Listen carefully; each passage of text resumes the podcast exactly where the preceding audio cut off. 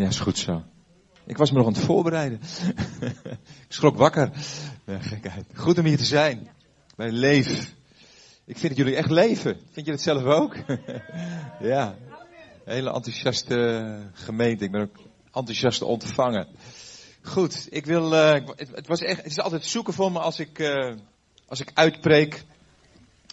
Dan, uh, in mijn eigen gemeente heb ik vaak thema's, weet je. En dan zit je, je weet hoe je eigen gemeente eraan toe is.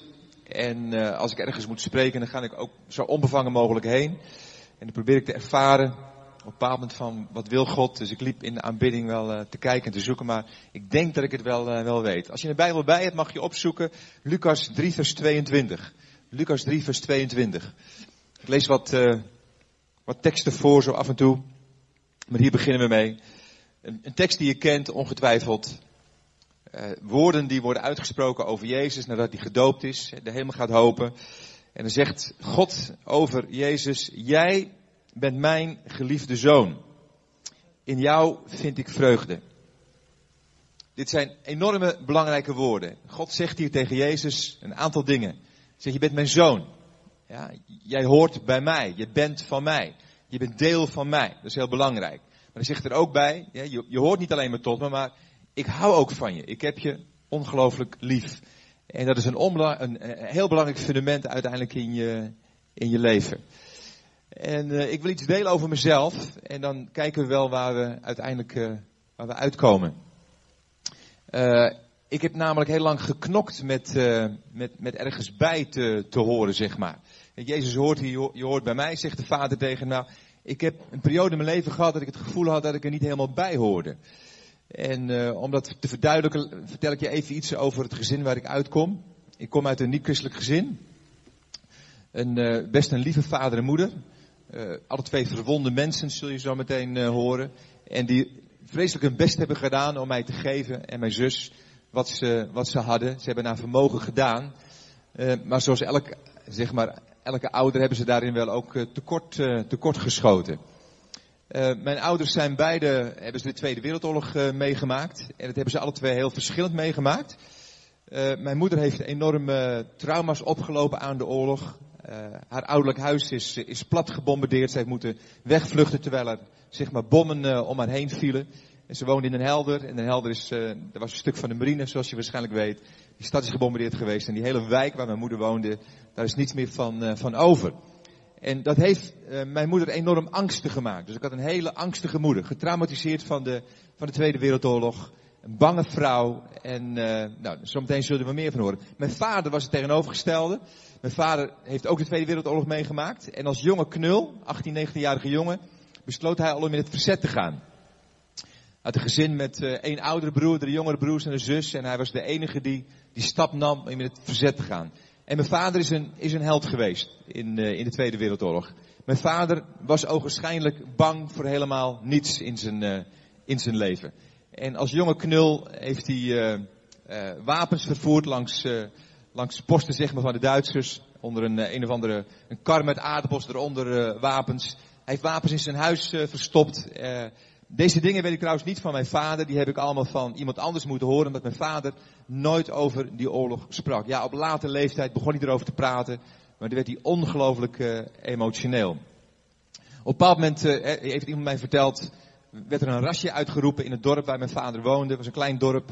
En mijn vader had wapens verstopt in het ouderlijk huis op zolder. Mijn vader is naar huis gegaan, heeft zijn vader, zijn moeder, zijn broers en zijn zus weggestuurd en gezegd van, ik ben hier verantwoordelijk voor. Eh, dus ik blijf hier wachten op de Duitsers, zodat eh, ik gepakt word en jullie, ik kan zeggen, jongens, ik ben hier verantwoordelijk voor. Dus mijn vader heeft in dat huis zitten wachten en zitten wachten en de rasje werd gehouden, overal werd het huis doorzocht. En uh, één huis, voordat ze bij het huis van mijn, uh, van mijn, van mijn opa en oma kwamen, waar mijn vader zat, werd een rasje afgeblazen. En ik heb altijd tegen mijn vader gezegd, mijn vader is geen christen, maar ik zeg, joh, dat heeft God voor gezorgd, want God wilde dat ik geboren zou worden. En God had een plan met mijn leven.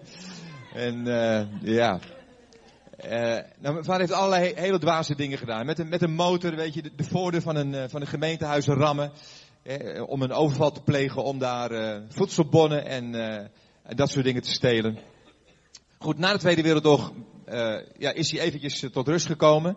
van die, van die wereld, uh, van die oorlog. Maar toen was er een oorlog in Indonesië, zoals je ongetwijfeld weet. En mijn vader besloot ook daarheen te gaan. Toen heeft hij vier jaar lang gevochten in Indonesië.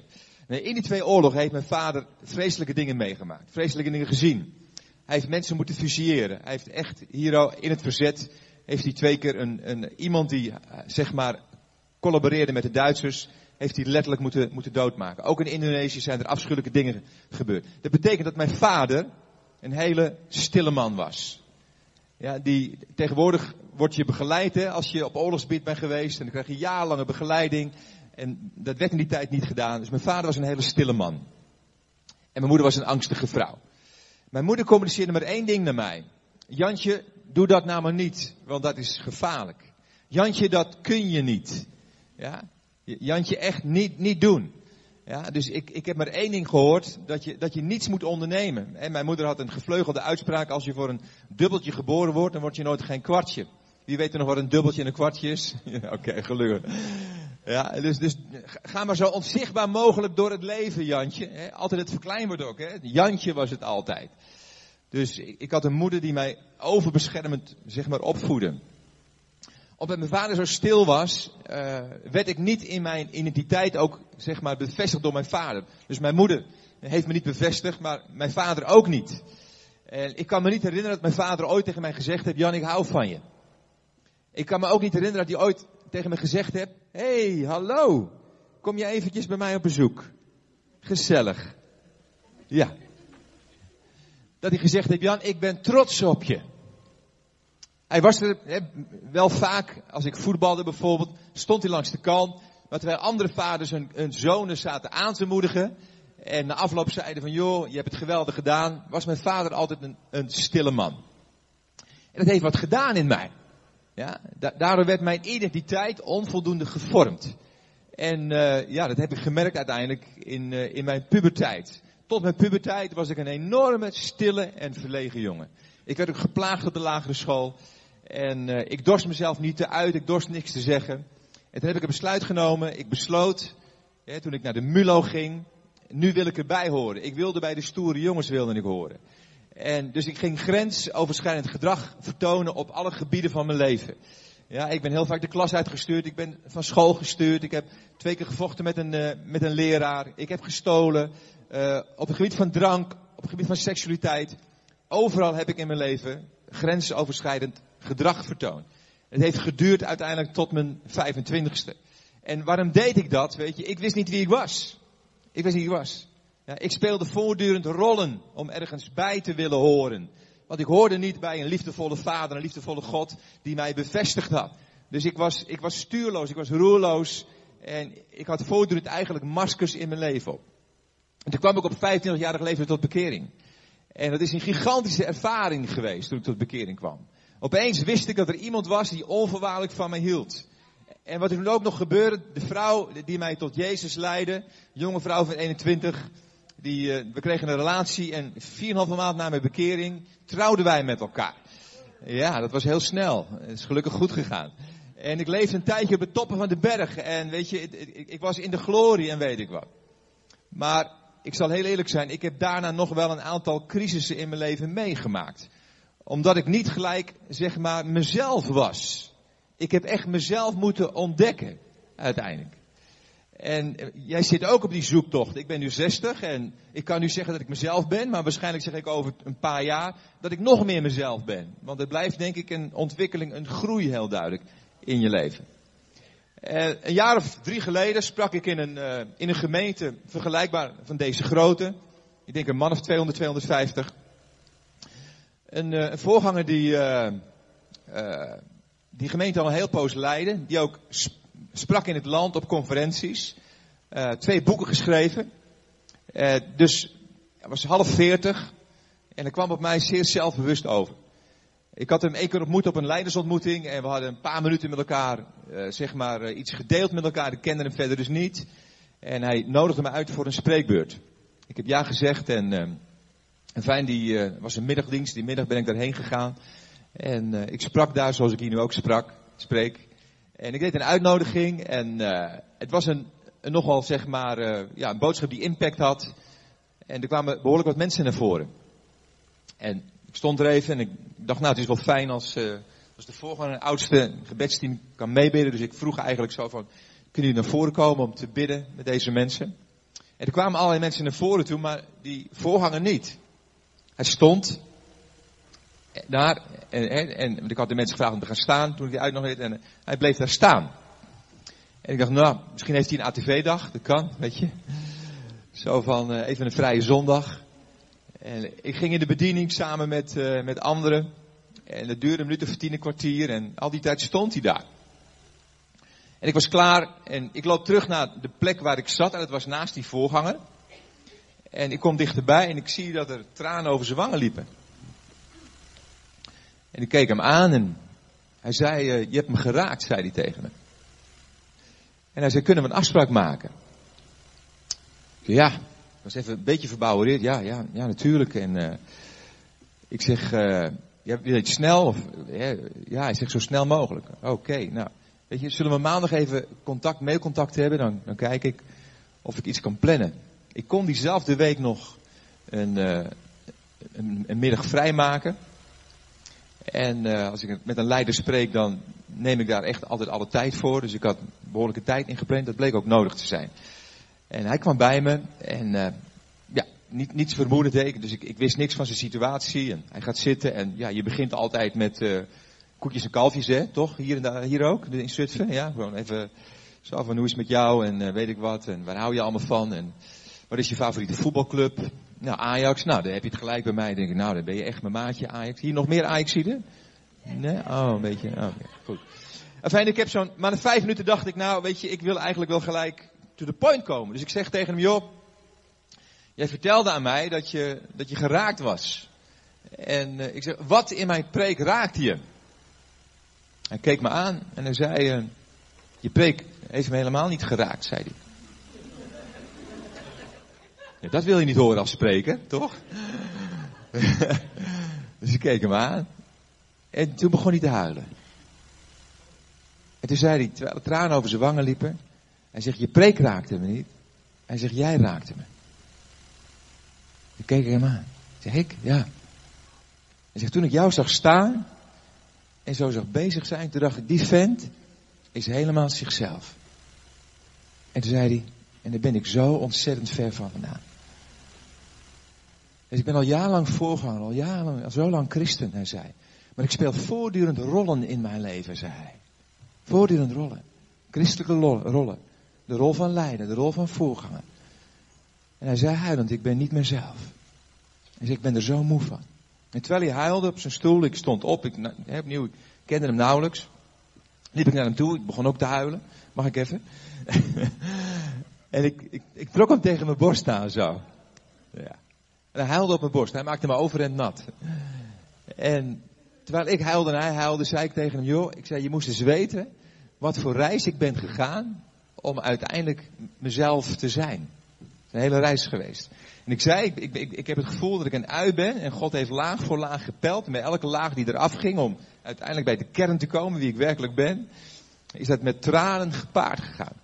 En toen zei ik tegen hem, joh, ik wil er voor jou zijn in de komende periode van jouw leven. Ik wil jouw mentor zijn, je coach zijn op jouw reis om uiteindelijk jouw unieke persoon te ontdekken. Om die als het ware tevoorschijn te roepen, tevoorschijn te halen. Het is zo belangrijk dat we onszelf zijn. Wist je dat? Zo belangrijk. Dat is eigenlijk het grootste compliment wat je kunt krijgen, weet je dat? Dat mensen zeggen dat je, dat je jezelf bent, toch? Of niet? Dat je uniek bent, dat je authentiek bent. Ik heb vier kinderen, vier hele mooie kinderen. Daar ben ik ontzettend trots op. En uh, één zoon en drie dochters. Ik ben ook grootvader trouwens. Ik heb vier kleinkinderen. En mijn oudste zoon Bart, uh, geweldig, geweldige kerel. Hij lijkt erg op mijn vader. Wat stille jongen. Maar als hij wat zegt, dan zijn het ook altijd wel rake dingen. Hele eerlijke jongen ook. En uh, zit bij de politie, dus een droombaan. Bart houdt van avontuur. Ik zeg al, het heeft een geslacht overgeslagen. Mijn vader was een held, Bart is een held en uh, ja, ik ben overal bang voor. Ik ben niet zo'n held. Mijn zoon doet van alles, bunching, jumping, weet je, allemaal dat soort dingen. Dat vindt hij allemaal geweldig. En uh, we waren een keer met, over het strand met elkaar aan het wandelen. Ik, weet je, Bart houdt van autosport en motors en, en, dat soort dingen. En daar heb ik helemaal niks mee. Ja, dus ik, ik, ten opzichte van hem voel ik me wel eens een beetje in een watje, weet je wel. En uh, hij is echt, weet je, echt zo'n, uh, ja, echt zo'n vent. Hij is ook breed. En ik heb allerlei, dat weet hij ook, allerlei ja, zwaktes in mijn leven. Bang, bang om te vliegen bijvoorbeeld. Hè. Dat is een van de vele angsten die ik heb. Dat hebben die kinderen ook gezien allemaal in mijn leven.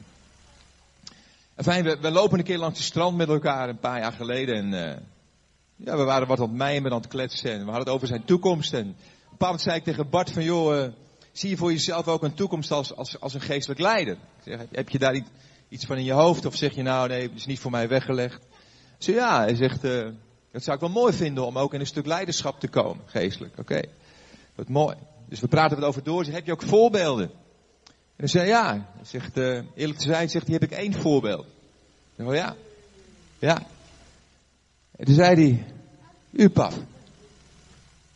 Ik zeg, ik? Ik begon te huilen. Hij zei, ja, u. Begreep het niet, ik begreep het echt niet. Zeg, ik, waarom? Hij zegt, pap, om maar één ding, zegt hij. Omdat u echt bent. Omdat u echt bent. U bent wie u bent, zei hij. Hij zegt, u bent niet anders op maandagochtend dan op zondagochtend. Hij zegt, en ik zie in het christelijke wereldje zoveel huigelachtigheid. Zoveel schijn. Ja, zoveel zogenaamde halleluja's. Maar daarvan binnen is het heel anders. Zo belangrijk om jezelf te zijn. Ik moet het wel eventjes, ik ga erop door zo meteen, maar eventjes, eventjes goed neerzetten. Jezelf zijn betekent niet dat je altijd overal in elke situatie hetzelfde bent. Dat is een vergissing, dat is niet jezelf zijn. Ik ben thuis anders mezelf dan ik hier mezelf ben. Snap je dat? Ja? Als ik thuis ben, dan uh, zit ik wel eens op de bank. Nou, vaak op de bank. En dan, nou, dan, dan laat ik best wel eens een wind. Jullie ook? Ja hoor. Dat zal ik hier niet doen. Dus als je hier wat ruikt, is het je buurman of je buurvrouw en niet ik. Goed. Maar het is heel belangrijk om jezelf te zijn. Om echt te zijn. Mijn vraag vanochtend is, wie ben jij? Wie ben jij? Nou, ik ga je een beetje helpen. Om duidelijk te maken wie je bent. In Efeze 2 vers 10 schrijft Paulus dat wij door God zijn gemaakt. Zijn maaksel zijn wij. Zegt het in de MBG. Zijn maaksel zijn wij. In de New Living Translation staat het prachtig. Er staat, we are God's masterpiece. Wow. Ja? Wij zijn Gods meesterwerk. Halleluja. Jij bent zijn meesterwerk. Als God naar je kijkt, dan zegt hij, je bent prachtig gemaakt. Hey, denk maar eens aan Psalm 139. God heeft jou gemaakt met, met, hè, hij, hij heeft ervoor gekozen om, om je die kleur ogen te geven, om je die neus te geven, om je die mond te geven, ja, om je die eigenschappen te geven om je die talenten te geven. Hij heeft jou gemaakt als een uniek, authentiek wezen. Er is niemand zoals jij. Dus wees alsjeblieft jezelf. Want er zijn al zoveel anderen. Wees jezelf, nog een keertje. Want er zijn al zoveel anderen. Weet je wat ik triest vind? Ieder mens wordt geboren als een uniek wezen. Zoveel mensen sterven als een kopie. Als een kloon. En ook in het christelijk wereldje zijn we geneigd om, om te klonen. Om kopieën met elkaar voor te brengen. God, weet je, wil dat we onszelf zijn, dat we authentiek zijn. Ik heb wel eens gezegd, en daar moet je wel voorzichtig mee zijn, maar ik zeg het toch omdat ik geloof dat het waar is. Ik ben soms wat scherp. Ja, ik geloof dat het de grootste zonde is om niet jezelf te zijn. Moet je maar eens over nadenken. Want als jij niet jezelf bent, dan zeg je eigenlijk tegen de schepper, u heeft het niet goed gedaan. Wow. U heeft mij niet goed gemaakt. Ik ben niet tevreden over mijn uiterlijk, over mijn lichaam. Ik ben niet tevreden over mijn karakter, mijn eigenschappen. Ik ben niet tevreden over mijn talenten. Het is zo belangrijk om jezelf te zijn. Je authentieke zelf. En weet je waarom? Als je niet jezelf bent, zul je ook niet op je unieke bestemming kunnen komen. Wist je dat? Je hebt namelijk jouw unieke persoonlijkheid nodig, die heeft God nodig, om in jouw unieke bestemming te komen. Dus je moet jezelf leren zijn. Er zijn altijd mensen die, als ik zo'n preek hou, daarom zeg ik het altijd even, naar me toe komen en zeggen, nou Jan, ik ben niet helemaal met je eens. Want Paulus zegt toch dat we onszelf moeten kruisigen. Ja, daar heb je gelijk in, maar daar heeft hij het niet over je unieke persoonlijkheid, maar over je vlees. Je hartstochten. Want als er één iemand zichzelf was, was het Paulus. En Paulus, ja, God had Paulus nodig, die unieke persoonlijkheid. Dat cholerische type, die vent die nooit ophield, die altijd maar doorging had hij nodig ja, om in die bestemming die Paulus had te kunnen wandelen. Dus God roept ons op om onszelf te zijn. Zo ontzettend belangrijk. Zorg ervoor dat je geen kopie wordt. Nou, het probleem bij heel veel mensen is dat ze zich continu vergelijken met anderen. Dat doen we eigenlijk voortdurend. Dat doen we automatisch. Dat moeten we ook afleren. Maar van nature zijn we geneigd om onszelf te vergelijken met anderen. Als je jezelf vergelijkt met anderen, ja, dan, kom je als conclusie, nou, ik ben mooier, dat kan. Of ik ben uh, knapper, ik ben intelligenter, ik ben rijker, ik heb een mooiere auto, ik heb een mooier huis. Maar zal ik je wat vertellen? Je komt altijd iemand tegen die knapper is dan jij. Je komt altijd iemand tegen die sterker is dan jij. Je komt altijd iemand tegen die rijker is dan jij. Je komt altijd iemand tegen die talentvoller is dan jij. Ik zal altijd weer mensen tegenkomen die beter spreken dan ik. Halleluja. Ja? Dus je moet stoppen om jezelf te vergelijken met anderen. Moet je niet doen. Dat is alleen maar ontzettend vermoeiend. En uiteindelijk krijg je er alleen maar gevoelens van minderwaardigheid van. Het is jouw verantwoordelijkheid om trouw te blijven aan wie je bent. Als jij straks voor de troon van God komt, dan vraagt hij echt niet aan je, waarom was je niet meer als Billy Graham? Waarom was jij niet meer als moeder Teresa? Nee, dan zegt hij, waarom was je niet meer jij? Die unieke mens, die unieke persoonlijkheid die ik gemaakt heb omdat ik een bepaald, bepaalde bestemming voor je heb. Nou, ik ga nu iets zeggen wat, wat sommigen ook moeilijk vinden, maar om jezelf te kunnen zijn, moet je van jezelf kunnen houden. En dat is in sommige christelijke kringen ook een beetje, een beetje moeilijk om van je, hè? Als ik zeg, nou, ik hou van mezelf. Nou, een beetje raar hoor. Ik ga iets zeggen, ik hoop dat die deur gesloten blijft, want dan mag je hier niet buiten komen. Wordt ook niet opgenomen hopelijk, deze dienst. Wel? Oh, jammer. Ik ga iets zeggen. Wij waren een tijdje terug, een paar maanden terug als oudste bij elkaar. Dat doen we regelmatig trouwens, maar dan hebben we een gebedsmoment met elkaar. Nou, een gebedsmoment is meer een gezamenlijke tijd van het zijn in Gods tegenwoordigheid, noem ik dat. Daar nemen we uitgebreid de tijd voor. geen lijstjes met waar we allemaal voor moeten bidden, maar gewoon zijn met God, met elkaar. Nou, aanbidden we God. Dan zijn we soms stil, soms uitbundig. En soms een hele intense aanbidding. Ik heb ook een, een psalmist, profeet in de Oudstraat, die daar op zijn keyboardje ons meeneemt naar de troon van God. Zijn heerlijke momenten. En op een van die avonden dat we elkaar zo God aan het aanbidden waren. En opeens riep ik uit, jongens, zei ik tegen de anderen. Jongens, we stonden allemaal verspreid in de zaal. Ik ben zo verrukt over mezelf.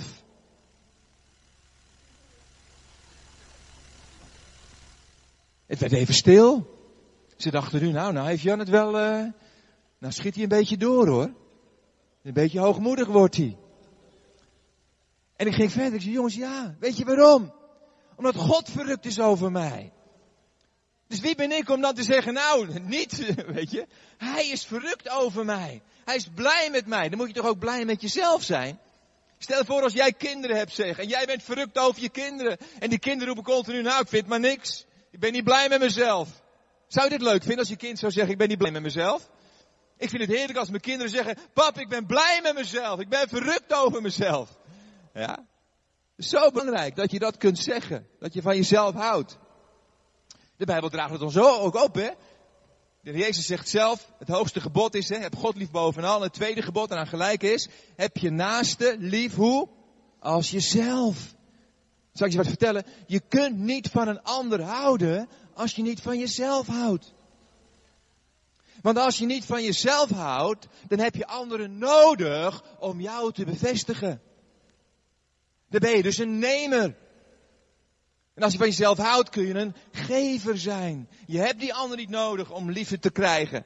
Ja? Want je weet je geliefd door de Vader. Dus je kunt een gever zijn. Zo ontzettend belangrijk. Als je van jezelf houdt, dan zeg je eigenlijk tegen God, Heer, u heeft mij goed gemaakt. ik ben blij met mezelf. Ja? Dan, dan besef je die woorden van de Jezus. Ik zei het net even opnieuw. De hemel gaat open. Jij bent mijn geliefde zoon. In jou vind ik vreugde. Weet je, dat, dat is het fundament van het christelijk leven. En het is zo bazaal, dat besef ik. Maar ik zie zo vaak bij zoveel christenen dat ze hier nog steeds mee knokken. Nou, dan voelde ik een aanbidding dat ik hier toch met jullie over moest spreken. Over het feit, joh, je, je bent geliefd door papa. Je bent geliefd door de vader. Je bent een zoon, je bent een dochter van God. Zo ontzettend belangrijk. Nou, heel veel mensen hebben een, vind ik zelf, een wat verkeerd beeld van God. En uh, dat heeft te maken met, met, met de paradigma's die we hebben. We hebben allemaal paradigma's. Weet je wat een paradigma is? Is de, de manier waarop jij door het leven kijkt. De bril waardoor je kijkt. En het paradigma, dat, hè, waardoor je naar de wereld kijkt, wordt bepaald door het gezin waar je uitkomt, door je opvoeding, door de school, door je vrienden, de cultuur waarin je opgroeit. Ja, daardoor krijg je bepaalde veronderstellingen, bepaalde meningen. Dus hebben we ook allemaal een bepaald beeld van God, toch? We hebben allemaal een beeld van God. En wat de meesten doen, ze bouwen er een hokje om. Zo, dit is God. Hè? En, en, en dan zeggen we ook, dan geven we dat een naam, hè? Christelijk gereformeerd. Gereformeerd vrijgemaakt. Baptist. Vergadering der gelovigen. Pinkster. Oh, nee, Wat we eigenlijk doen is allemaal, we bouwen een boxje rondom God. We zeggen, wij weten het, zo is God. Dit is ons paradigma. Nou, ik zal je vertellen dat God niet in een boxje te stoppen is. En ik merk dat heel veel mensen een verkeerd paradigma van God hebben. En ik neem je even mee in een heel bekend verhaal. Van iemand die ook een bepaald beeld van God had. Een bepaald beeld had van wie God was en hoe God naar haar keek. Het gaat over een vrouw. Deze vrouw die, die komt op een bepaald moment in de buurt van Jezus. En ze was niet alleen. Er was een menigte rondom Jezus heen op dat moment. Deze vrouw leed al twaalf jaar aan bloedvloeien. Dat is niet leuk. Als je hier vrouw bent, dan denk ik dat je wel een beetje weet wat deze vrouw meemaakte. Dit had ze niet één keer per maand, een paar dagen of een week. Nee, dat had ze twaalf jaar lang voortdurend. Voortdurend verloor ze bloed. Dat betekent dat die vrouw enorm was afgezwakt. Kan je het voorstellen? Een zwakke vrouw. Daarnaast was ze nog blut ook. Want de Bijbel zegt dat ze haar hele vermogen had uitgegeven aan doktoren om van deze kwaal verlost te worden. En dat had niet geholpen. Dus ze was back af, moe, altijd moe. En plus blut. Maar dat was nog niet het ergste. Deze vrouw werd in die maatschappij, in die tijd, als onrein beschouwd. Dat betekende dat de stoel waarop zij gezeten had, dat er niemand anders op dat moment kon zitten daarna. Of die stoel moest eerst gereinigd worden. De beker die zij gepakt had, moest eerst gereinigd worden. Ja, het bed waar ze gelegen had, moest eerst gereinigd worden, wat er een ander op mocht liggen. Zij mocht niemand aanraken. Op het moment dat zij iemand aanraakte, werd die persoon namelijk onrein. Het is wat. Dat betekent dat deze vrouw twaalf jaar lang verstoken is geweest van enige intimiteit. Er staat niet bij dat ze getrouwd is of dat ze kinderen had. Maar één ding weet ik wel. Ja, ze mocht niemand aanraken. Twaalf jaar lang, weet je wat dat betekent? Dat is afschuwelijk. Ik denk niet dat ze ooit visite kreeg. Maar ja, ze kon ook geen koffie schenken. Kan je je voorstellen, ze kan niet eens het kopje vasthouden om iemand toe te brengen. Deze vrouw heeft in een ongelooflijk isolement geleefd. Daarnaast was er heel veel schaamte in haar leven. Want in die tijd werd, werd dat soort ziekte, als je ziek was, werd beschouwd als een vloek van God. Ze zal wel zonde hebben gedaan in haar leven. Dus er lag een, een oordeel over haar. Ze werd, ze werd op een bepaalde manier door mensen bekeken, door een bepaald paradigma. Oh ja, je zal wel zonde in je leven hebben. Ze werd gemeden. Niemand wilde in haar buurt zijn. Ze mocht ook niet in de synagoge komen. Onreine mensen, deze vrouw mocht niet in de, in de synagoge komen. Dan hoort ze over Jezus. Ze hoort dat er een man is. Die zieken geneest. Die lammen doet opstaan. Die melaatse reinigt. En ze krijgt een stukje hoop. En weet je wat ze doet? Ja, ze overwint haar schaamte en angst en dringt door de menigte heen op zoek naar Jezus. Wat doet ze op dat moment? Iets heel gevaarlijks. Ik denk ook dat ze waarschijnlijk gesluierd is geweest. Want weet je, als iemand haar herkende, hadden ze gelijk geroepen, onrein, onrein. Maar ze heeft haar schaamte overwonnen. En ze heeft mensen moeten aanraken. Ze moest door de rij heen. Door de menigte heen. Ze maakte op dat moment allerlei mensen onrein. Ja, je mag rustig blijven zitten hoor. Want die mensen gingen ook niet opzij voor hoor. Iedereen dringt zich op aan Jezus joh. Uiteindelijk is er, is er bij Jezus en wat doet ze? Ze raakt de zoon van zijn kleed aan. En op het moment dat ze de zoom van zijn kleed aanraakt, is ze genezen. Ze voelt, staat er letterlijk, hè, staat daar, dat de bron van bloedvloeien opdroogde in haar. Oh man, die vrouw had de dag van haar leven. Ze was genezen. Ze dacht, nu moet ik wegwezen worden, iemand mij herkent. Dus ze gaat gelijk weer weg. Ze wil niet gezien worden. En dan draait Jezus zich om. Het letterlijk, en Jezus draaide zich om. En hij zei, wie heeft mij aangeraakt? Wauw. Waarom deed Jezus dat? Waarom liet Jezus deze vrouw niet gaan? Ze was toch genezen? Nee, Jezus wilde veel meer met deze vrouw doen. Die, die fysieke genezing, man, dat was peanuts vergeleken bij wat hij wilde doen met haar. Hij wilde haar helemaal ook innerlijk genezen. Van de afwijzing, van het oordeel, van de schaamte, van de angst. Jezus wilde haar zien, te meer. Hij wilde dat zij hem zou zien. Wie heeft mij aangeraakt? Wat doet die vrouw op dat moment? Oh, die staat op en zegt ik. Is dat zo? Wat doet ze? Ze duikt ineen. Er staat dat ze trilde van angst. Waarom? Ze verwachtte oordeel. Ze verwachtte woorden van Jezus die haar zouden afwijzen. Ze verwachtte dat Jezus zou zeggen, jij onreine vrouw. Je hebt allerlei mensen aangeraakt, onrein gemaakt. Bovenal, je hebt mij, de zoon van God, heb je onrein gemaakt. Ze verwachten oordeel. Een afkeurende blik. Boze woorden. Daarom kroop ze ineen. En wat doet Jezus? Jezus doet heel wat anders. Jezus gebruikt zulke mooie woorden. En in de MBV hebben ze dat er gewoon uitgehaald. Onbegrijpelijk. Ik begrijp die vertalen soms niet. Dit is het meest essentiële van dit verhaal. Hebben ze eruit gehaald. Daar snap ik niks van. In de HSV staat het er gelukkig wel. De MBG ook. Want het staat er ook in de grondtekst. Weet je wat hij zegt? Dochter. Die woorden staan niet in de MBV. Dat is, dit is waar het hele verhaal om draait. Het gaat niet om die fysieke genezing, het staat om deze woorden. Dochter, zegt hij tegen haar. Wat betekent dat? Wat betekent dat? Jezus zegt, jij bent mijn kind. Weet je nog?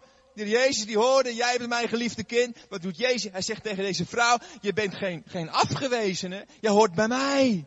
Ik heb je lief. Je bent mijn dochter. Mijn vraag vanochtend aan jou is, hoe denk jij dat Jezus naar je kijkt? Hoe denk jij dat Jezus naar je kijkt? We zitten hier in een bioscoop. Toch? Stel je nou eens voor. Mag ik jou even uitkiezen? Ja? Oké, Steven Spielberg. Een regisseur. Jurassic Park. E.T. Uh, Saving Private Ryan.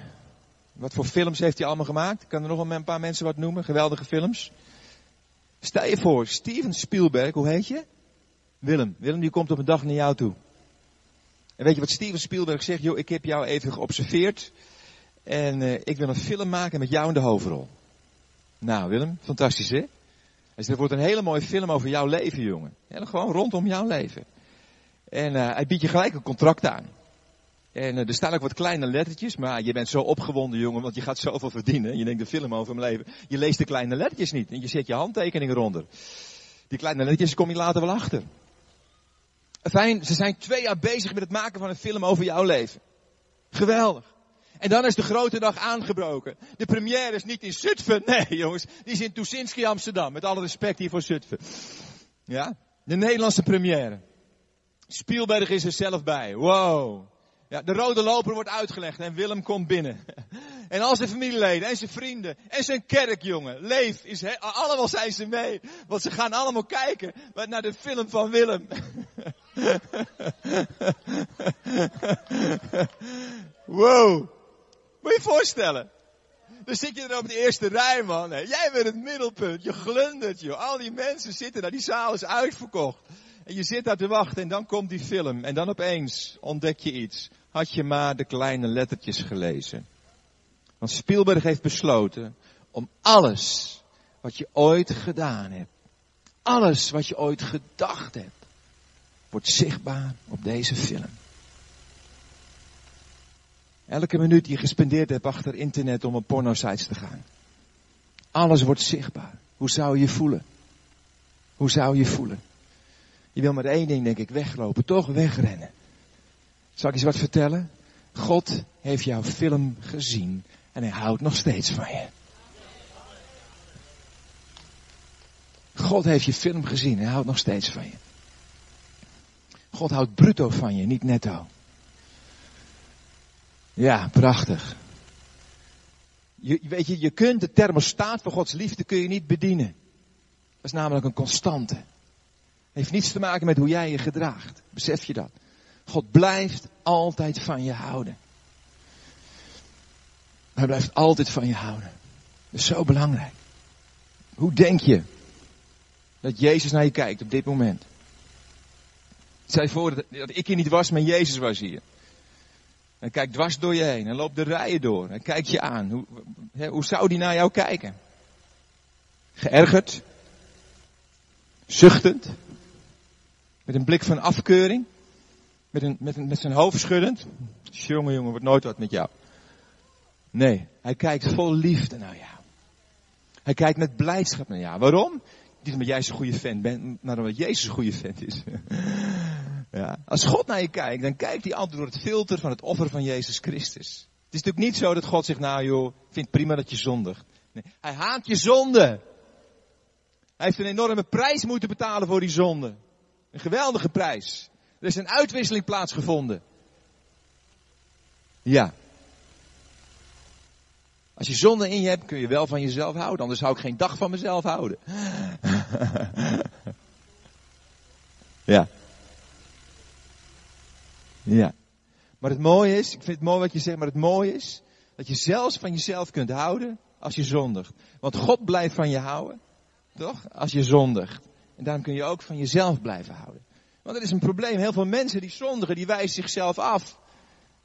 En wat gebeurt er als je jezelf afwijst? Dan wil je, ga je ook niet meer naar God toe. Want je denkt, ik ben niet waardig om bij God te komen. Ik heb gezonden. Maar God zegt, dan moet je juist komen als je je niet waardig voelt. Want ik kan je wel het gevoel van waardigheid geven. Want ik wil die zondelast van je afnemen. Dat is wat God wil. Goed, ik eindig nog met een verhaaltje. Ik ga niet lang preken. De muziek die mag al wat naar voren komen. Het is wel een lang verhaaltje, maar misschien kun je gewoon alvast wat spelen. Het is een mooi verhaaltje. Waar gebeurt. Het staat ook in mijn boek Buitensporige Genade. Als je een aantal dames hier zeiden, die hebben we gelezen. En dus, dus misschien herken je het verhaal als je het boek gelezen hebt. Speelt zich af in Korea. En uh, in de jaren 50 is er een oorlog in Korea geweest. Ik weet niet of je dat weet, maar uh, er is een oorlog geweest. En Amerika heeft zich daarmee bemoeid, zoals Amerika zich met heel veel oorlogen heeft bemoeid. En soms met goede afloop, soms met minder goede afloop. En toen die soldaten daar waren, laten we het geallieerden noemen, de Amerikanen daar waren, toen ontstonden er relaties tussen Amerikaanse soldaten en Koreaanse meisjes. Dat is niet vreemd, want het gebeurt in elke oorlog. Dat is ook hier gebeurd in Nederland. Aan het eind van de Tweede Wereldoorlog hebben heel veel jonge meisjes relaties gekregen met Amerikaanse, Australische, Nieuw-Zeelandse, Canadese, Engelse soldaten. En ook in Nederland zijn er heel veel meisjes zwanger geraakt van Amerikaanse soldaten, Canadese soldaten. En in dit land, in Nederland, was, was dat, ja, was, dat, daar werd je toch wel een beetje raar aangekeken, toch? Dat werd niet zomaar geaccepteerd. Maar in Korea is dat nog veel erger. In Korea is een, Azië een schaamtecultuur. Er zijn honderden, honderden meisjes geweest die zwanger zijn geraakt van Amerikaanse soldaten. En in die cultuur was er een enorme schande. Dat betekent dat heel veel meisjes op professorische manieren abortus hebben laten plegen. Er zijn zelfs meisjes gestorven omdat het allemaal niet goed ging. Het meisje waar ik het over heb, Koreaans meisje, was 17 jaar. En ze raakte zwanger van een Amerikaanse soldaat. Ze dorst het niet weg te laten halen. Dus het kindje groeide in haar buik. Ze woonde in een klein dorp in Korea. Na zes, zeven maanden hadden de ouders wel in de gaten dat haar buik vormen aannam. En wat niet wees op te veel eten, maar op een zwangerschap. Er werd over gesproken en het meisje moest bekennen dat ze zwanger was. Maar ze zei niet van wie. Dat ontdekten de ouders bij de geboorte van het kindje. Ze zagen direct toen het geboren werd dat het geen Koreaans kindje was maar dat het Amerikaanse trekken had. En van dat moment werd het meisje met haar dochtertje afgewezen, verworpen papa, mama, broers, zussen, nichten, neven, het hele dorp. Ze werd verstoten. Ze heeft het zeven jaar volgehouden. Om te blijven leven in die gemeenschap met haar dochtertje. Ze werd uitgescholden, ze werd gemeden. Het meisje, het kleine meisje, werd regelmatig bespuugd door andere kinderen uit het dorp. Omdat ze niet dezelfde kleur had als de andere kinderen. Vernederingen, afwijzing, continu meegemaakt. Na zeven jaar kon die moeder het niet meer verdragen. Ze kon het niet meer uithouden. Wat heeft ze gedaan in wanhoop? Ze heeft haar dochtertje meegenomen op de bus van het dorp naar een grote stad in Korea. En toen ze midden in de stad waren, heeft ze haar dochtertje de bus uitgeduwd. In de hoop dat ze gevonden zou worden door een weeshuis en een beter leven zou krijgen. Was een liefdestaat van deze moeder. En zelf is ze teruggegaan naar het dorp waar ze vandaan kwam. Het meisje belandde helaas niet onmiddellijk in een weeshuis. Integendeel, het heeft nog twee lange jaren geduurd. Zeven jaar, moet je je voorstellen. Ik weet niet wie hier kinderen heeft, maar ik heb, ik heb op dit moment kleindochters van rond die leeftijd. Moet je je voorstellen dat, dat je kind zeven jaar in een grote stad is. Zeven jaar lang heeft ze gegeten van vuilnisbakken. Zich wat geprobeerd te wassen in, in smerige riviertjes. Ze zag er niet uit. Ze woog negen jaar oud, 15 kilogram. Sterk vermagerd. Overal had ze zweren op gezicht. Haar onder de luis. Te vies om aan te pakken. En op een dag werd ze gevonden. Door iemand van een weeshuis. Die nam haar mee naar een groot Koreaans weeshuis. Daar moet je je daar niet heel veel van voorstellen. Jaren 50 Korea. Ze kreeg eten, drinken, een bed en ze kon zich wassen. Toen ze twee weken in het weeshuis was, was er een, een opwinding s ochtends vroeg. Een rumoer, ze had nog nooit meegemaakt. Ze vroeg wat is er aan de hand en het bleek, er kwam een Amerikaans echtpaar en die kwamen een Koreaans kindje adopteren. En al die honderden kinderen wisten, de oudere kinderen, voor één kindje is er hoop. Voor één kindje is er een toekomst. En deze Amerikanen hadden in overleg een zinnen gezet op een jongetje.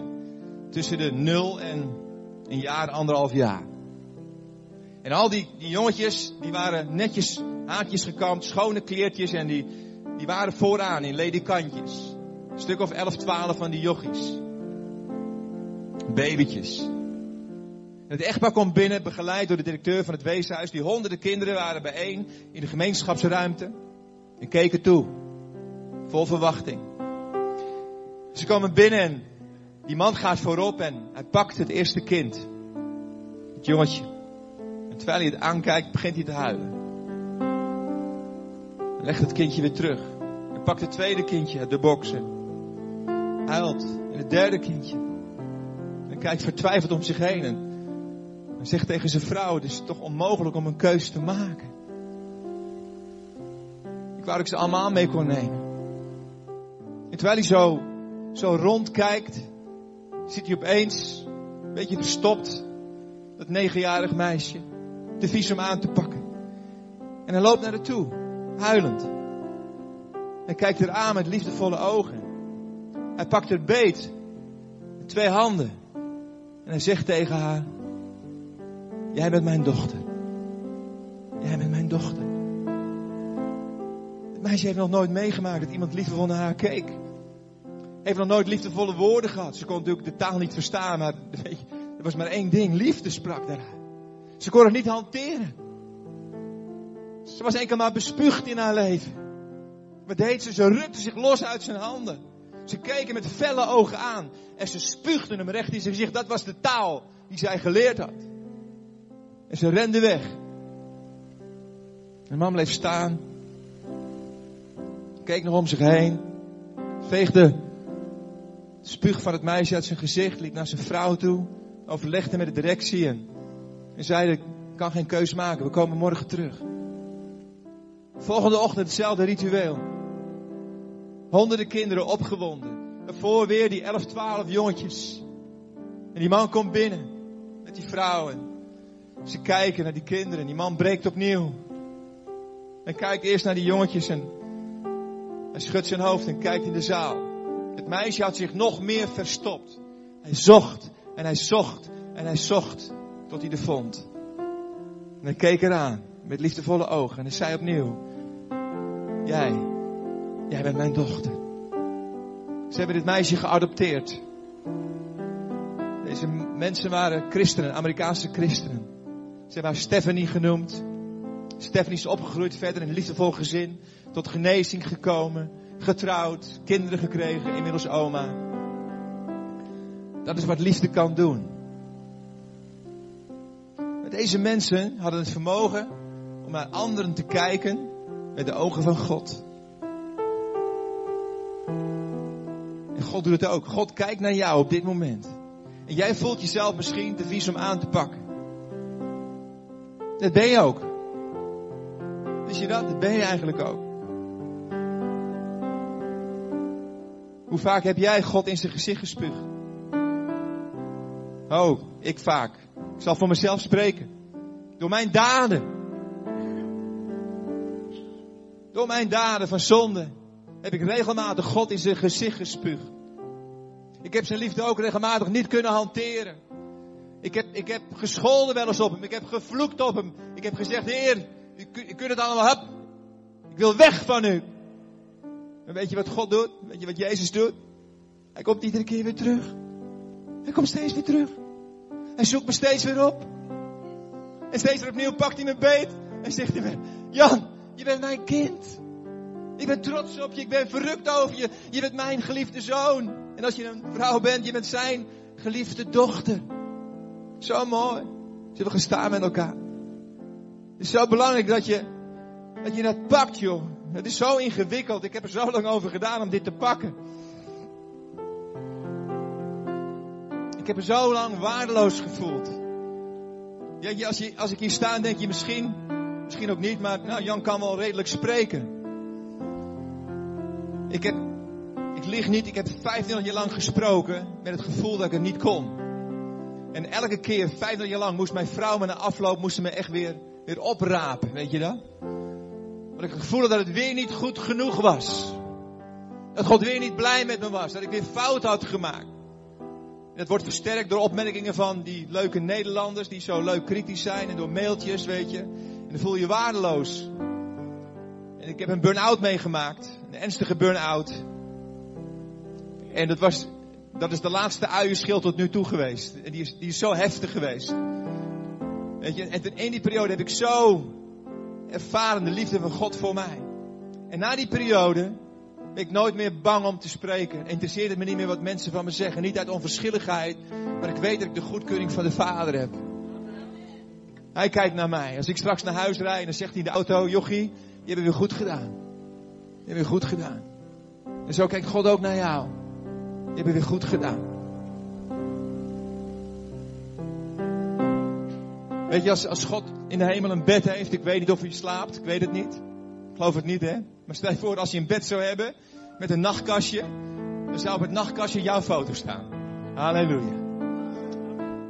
Als er bomen zijn in de hemel, oh, dan staan er zeker heel veel bomen met een hartje. Er staat aan de ene kant Jezus, aan de andere kant staat Jan. Halleluja. Ja. Zo kijkt hij naar ons. Wist je dat? Als God vrachtwagenchauffeur was, dan weet ik zeker, dan staat er op zijn vooruit, staat mijn naam. Jan. Ja. Ik ben zijn lievelingszoon, joh. Ja, het spijt me voor jullie, maar ik ben zijn lievelingszoon. Ik hoop dat jij dat ook zegt. Dat je zegt, nee, ik ben zijn lievelingszoon. We zijn allemaal zijn lievelingszonen en dochters. Zal ik je wat vertellen? Hij heeft iets krankzinnigs gedaan. Hij heeft iets zo raars gedaan. Weet je wat hij heeft gedaan? Hij heeft jouw naam getatoeëerd in zijn handpal. Dus kijk, nooit meer ga je eruit vandaan. Dat is onze God. Als jij vecht naar mij nog, als je vecht met je identiteit, als je een aanraking van Gods liefde nodig hebt, dan wil ik je vragen om naar voren te komen, naar, naar het kruis. Gebedsteam wil ik alvast vragen om erbij te komen. Als jij zegt, ik, ik knok er nog mee. Ik weet nog niet zeker of God wel van me houdt. Ik voel me nog wel eens afgewezen. Ik voel me nog regelmatig niet waardig. Ik strijd ermee, ik knok ermee. Dan wil ik je echt vragen om te komen en, voor je te laten bidden. Dat je gaat niet weg uit deze ruimte met dat gevecht. Maar vraag opnieuw aan God om je aan te raken met zijn liefdevolle hart. Hij wil het. Kom maar naar voren. Kom maar. Er zijn een aantal mensen. God heeft je aangeraakt. Doe maar. Kom maar het gebedsteam. Dompel ze maar onder in, uh, in de liefde van God. Zegen ze met zijn liefde. Bid maar voor genezing. Met dingen die gebeurd zijn. Dat God een herstel kon brengen. Doe maar.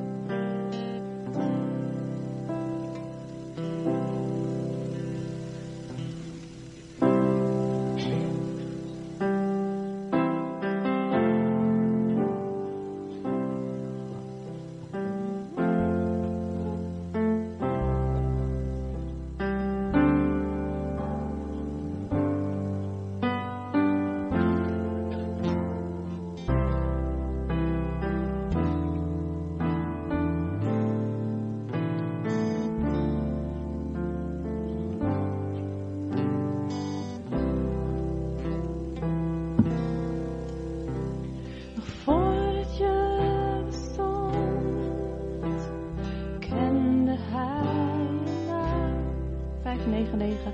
En zag je elk moment en telde elke traan, omdat hij van je hield, gaf hij zijn eigen zoon. Hij wacht alleen nog maar totdat je komt.